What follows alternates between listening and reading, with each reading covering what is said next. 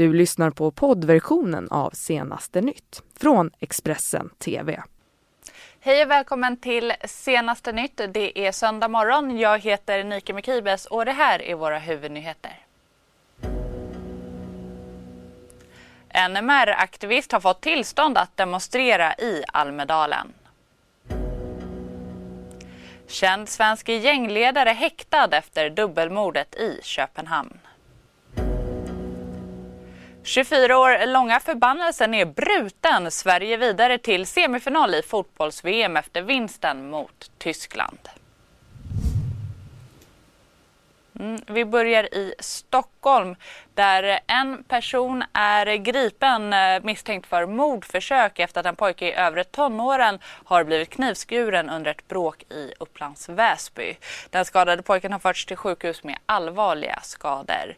Det var vid kvart i två på lördagsnatten som polis larmades till McDonalds i Upplands Väsby med anledning av bråket. Enligt polisen ska flera personer ha varit inblandade men man vet just nu inte vad som ligger bakom bråket. Eh, patruller jobbar vidare med att hämta in uppgifter från vittnen.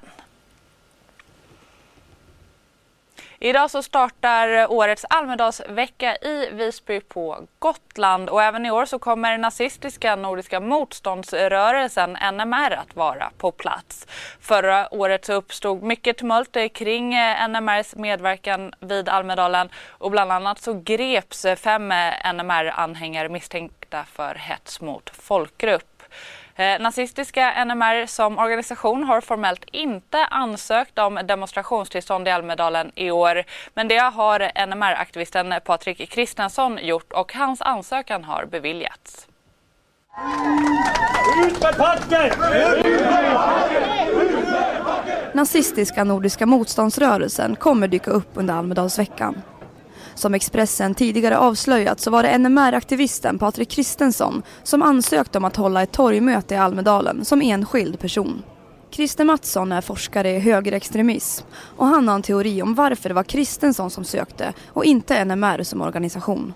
Dels så vill de gå under radarn lite grann och inte ansöka i organisationsnamnet Polisen har då godkänt nazistens ansökan och Patrik Kristensson och med största sannolikhet även fler NMR-anhängare kommer dyka upp under veckan. Det kan vi nog utgå ifrån att de är flera. De är också alltid fler än, än de som eh, syns runt själva manifestationen. Platsen som Patrik Kristensson ansökte om tillstånd för allmän sammankomst var på Hamnplan mellan klockan fyra och sju. Men eftersom platsen var fullbokad så blir det inte så.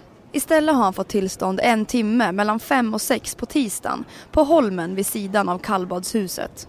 En röst på Nordiska motståndsrörelsen, det är en protest mot det här systemet. En protest med att de försöker förgöra vårt land sakta men säkert. Förra året blev det stor tumult kring NMRs medverkan vid Almedalen. Fem nazister anhölls misstänkta för hets mot folkgrupp efter de har skrikit Sieg Heil. Och vid tre olika tillfällen slogs kvinnor ner till marken av NMR-anhängare. Men Christer Mattsson tror inte att nazistanhängarna kommer kunna skapa samma tumult i år eftersom Nordiska motståndsrörelsen har tappat styrfarten som organisation. Men det stora bakslaget var i valrörelsen när de fick lite drygt 2000 röster över hela Sverige. Det var ett lägre resultat än vad de själva hade räknat med och visar att de är inte så stora som, som jag tror att de hade tänkt sig och som kanske många andra hade väntat sig att de skulle vara. Men polisen är ändå redo att ta in fler resurser om det kommer behövas. Mm, och Expressen är ju på plats under hela Almedalsveckan eh, där eh, över 3000 seminarier kommer att hållas och eh, varje dag så har vi flera intressanta gäster på Expressens scen. Nu ska vi utrikes eh, för när helgens G20-möte sammanfattas så kan vi se flera resultat. I Osaka i Japan så kom USA och Kina överens om att återuppta sina handelsförhandlingar. USA och Ryssland fann enighet om nedrustningssamtal och dessutom så hann man med viktiga samtal om klimatkrisen, säkerhetspolitik och bilaterala tvister. Det här rapporterar TT. Enligt eh, Japans premiärminister Shinzo Abe så har de 20 stormakterna närmat sig varandra i klimatfrågan. 19 av de 20 deltagarna, alla utom USA, bekräftade sina åtaganden i linje med Parisavtalet från 2015. Enligt Abe så har också G20-ländernas ledare tydligt ställt sig bakom behovet av en fri, rättvis och icke-diskriminerande handelspolitik. En svensk man har häktats efter dubbelmordet i Köpenhamn tidigare i veckan. Mannen är i 20-årsåldern och greps enligt det danska Extrabladet i Århus på lördagen. Mannen som är dömd sedan tidigare har förekommit i flera mordutredningar och är också en av ledarna i det kriminella gänget Dödspatrullen. Expressen har tidigare kunnat rapportera om att ett av offren ska ha varit en ledargestalt för det kriminella kriminella grupperingen Shottaz som legat i konflikt med Dödspatrullen. Det var under tisdagen den 25 juni som två personer avled efter en skottlossning i Herlev norr om Köpenhamn. Nu har en man häktats i Danmark för misstänkta kopplingar till dubbelmordet, skriver Extrabladet. Enligt uppgifter till Expressen är mannen en svensk i 20-årsåldern med kopplingar till gängkriminalitet. Han greps i Århus och en film visar hur han hänger ut från en balkong när polisen hittar honom. Häktningsförhandlingen mot den misstänkte mannen hölls under lördags eftermiddagen bakom stängda dörrar.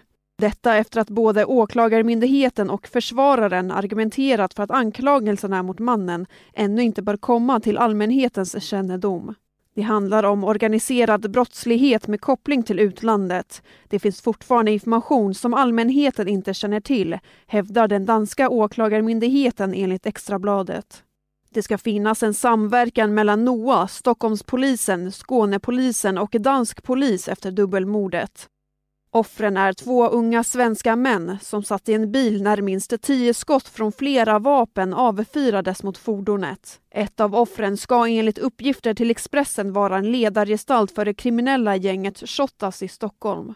Den nu mördade gängledaren figurerar i musikvideos som har flera miljoner spelningar på nätet och han har själv ett stort antal följare på sociala medier. Han är dömd för flera brott och har bland annat avtjänat ett två år och fyra månaders fängelsestraff för rån. Grupperingen Shottaz har under de senaste åren varit inblandad i en blodig konflikt med det rivaliserande kriminella nätverket Dödspatrullen. Gängkriget har enligt polisen resulterat i flera mord. Flera av nyckelpersonerna kopplade till konflikten sitter idag i fängelse. En man knivhöggs eh, sent på lördagskvällen i Västra Sorgenfri i Malmö. Det här rapporterar Sydsvenskan. Mannen hittades utomhus och fördes med ambulans till sjukhus. Enligt eh, initiala uppgifter från polisen så blev mannen inte allvarligt skadad. Polisen söker efter två gärningsmän men ingen ska ännu ha gripits. Så till fotbollen, för Sveriges damer gick ju vidare till semifinal i fotbolls-VM genom att slå ut Tyskland. En nation man inte har slagit i mästerskapssammanhang sedan 1995. Sverige vände underläget 0-1 till ledning och vinst 2-1.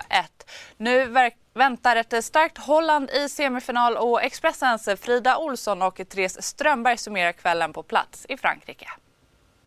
En 24 år lång svit är bruten och Sverige har slagit Tyskland i ett mästerskap. Det är första gången sedan 1995 och nu är man i VM-semifinal, Frida. Ja, det känns helt galet får man väl lov att säga. Och det kanske inte var något som man trodde på förhand med tanke på den sviten du nämner. Hur mycket Tyskland har slagit ut Sverige tidigare. Men äntligen så var det Sverige som var det bättre laget. Äntligen så var det Sverige som hade det där målet på sin sida istället. För det har ju studsat fel väg så mm. många gånger ah, vi är klara för en VM-semifinal, det känns helt fantastiskt. Ja det gör det verkligen. Och på andra sidan står ju Nederländerna eh, när det vankas eh, semifinal. Och de har ju sagt efter sin match lite grann på samma tema att de trodde inte att de skulle stå i en VM-semifinal och inte bara för Sveriges del då baserat på att man mötte Tyskland i kvartsfinalen utan även hur det har sett ut, sett ut under våren, eh, uppbyggnaden till VM så kanske man inte heller trodde att eh, Sverige skulle ta sig så här långt. Nej, faktiskt inte. Om vi ser till de första matcherna och mot USA förlorade vi med 2-0 och så första halvleken mot Kanada och det här kommer bli uttåg. Men sen andra halvleken mot Kanada, mycket bättre. Det var som att man hade bestämt sig och i den här matchen mot Tyskland framförallt så tycker jag att man visar att man har någonstans att göra liksom lite längre upp bland de bättre lagen. Man gör allt man ska. Man har scoutat Tyskland helt perfekt. Man vet precis vad man ska göra i, i alla lägen. Och som Hedvig Lindahl sa i den mixade zonen efter matchen att Tyskland har ju faktiskt inte jättemycket lägen och knappt något farligt läge. Hon behövde ju inte göra speciellt mycket den här dagen överhuvudtaget. Så att Sverige har gjort jobbet och Sverige förtjänar absolut den här eh, platsen. Lite oväntat, ja, men väl värd. Och vi ska säga det också att det är ett par spelare som verkligen har växlat upp. Om man kan eh, kolla på getingbetygen efter den här matchen som du och Anna Friberg har satt så är det ju höga betyg mm. som delas ut såklart. Två spelare som jag tycker har verkligen växlat upp eh, under vad det här mästerskapet har lidit det är ju Stina Blackstenius och Sofia Jakobsson. Ja och det är ju två självförtroendespelare utav rang. Framförallt Stina Blackstenius. Hon blev nästan lite tårögd i mixade zonen efter matchen för att hon, det betydde så himla himla mycket för henne att få göra det här. Hon har haft det ganska tufft när hon var i Frankrike klubbmässigt.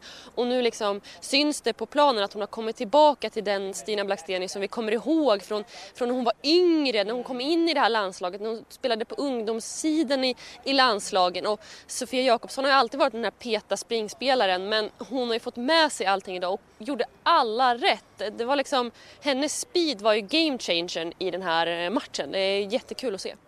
Ja, och det blir också jättekul att se alltså VM-semifinal för svensk del. Efter andra vändan i Rennes så är det dags för Lyon och eh, vi hoppas väl på att man stannar i Lyon för det är där finalen går också. Mm, och det kommer ju vi såklart att bevaka här på Expressen. Du har lyssnat på poddversionen av Senaste nytt från Expressen TV. Ansvarig utgivare är Thomas Mattsson. Ett poddtips från Podplay. I fallen jag aldrig glömmer djupdyker Hasse Aro i arbetet bakom några av Sveriges mest uppseendeväckande brottsutredningar.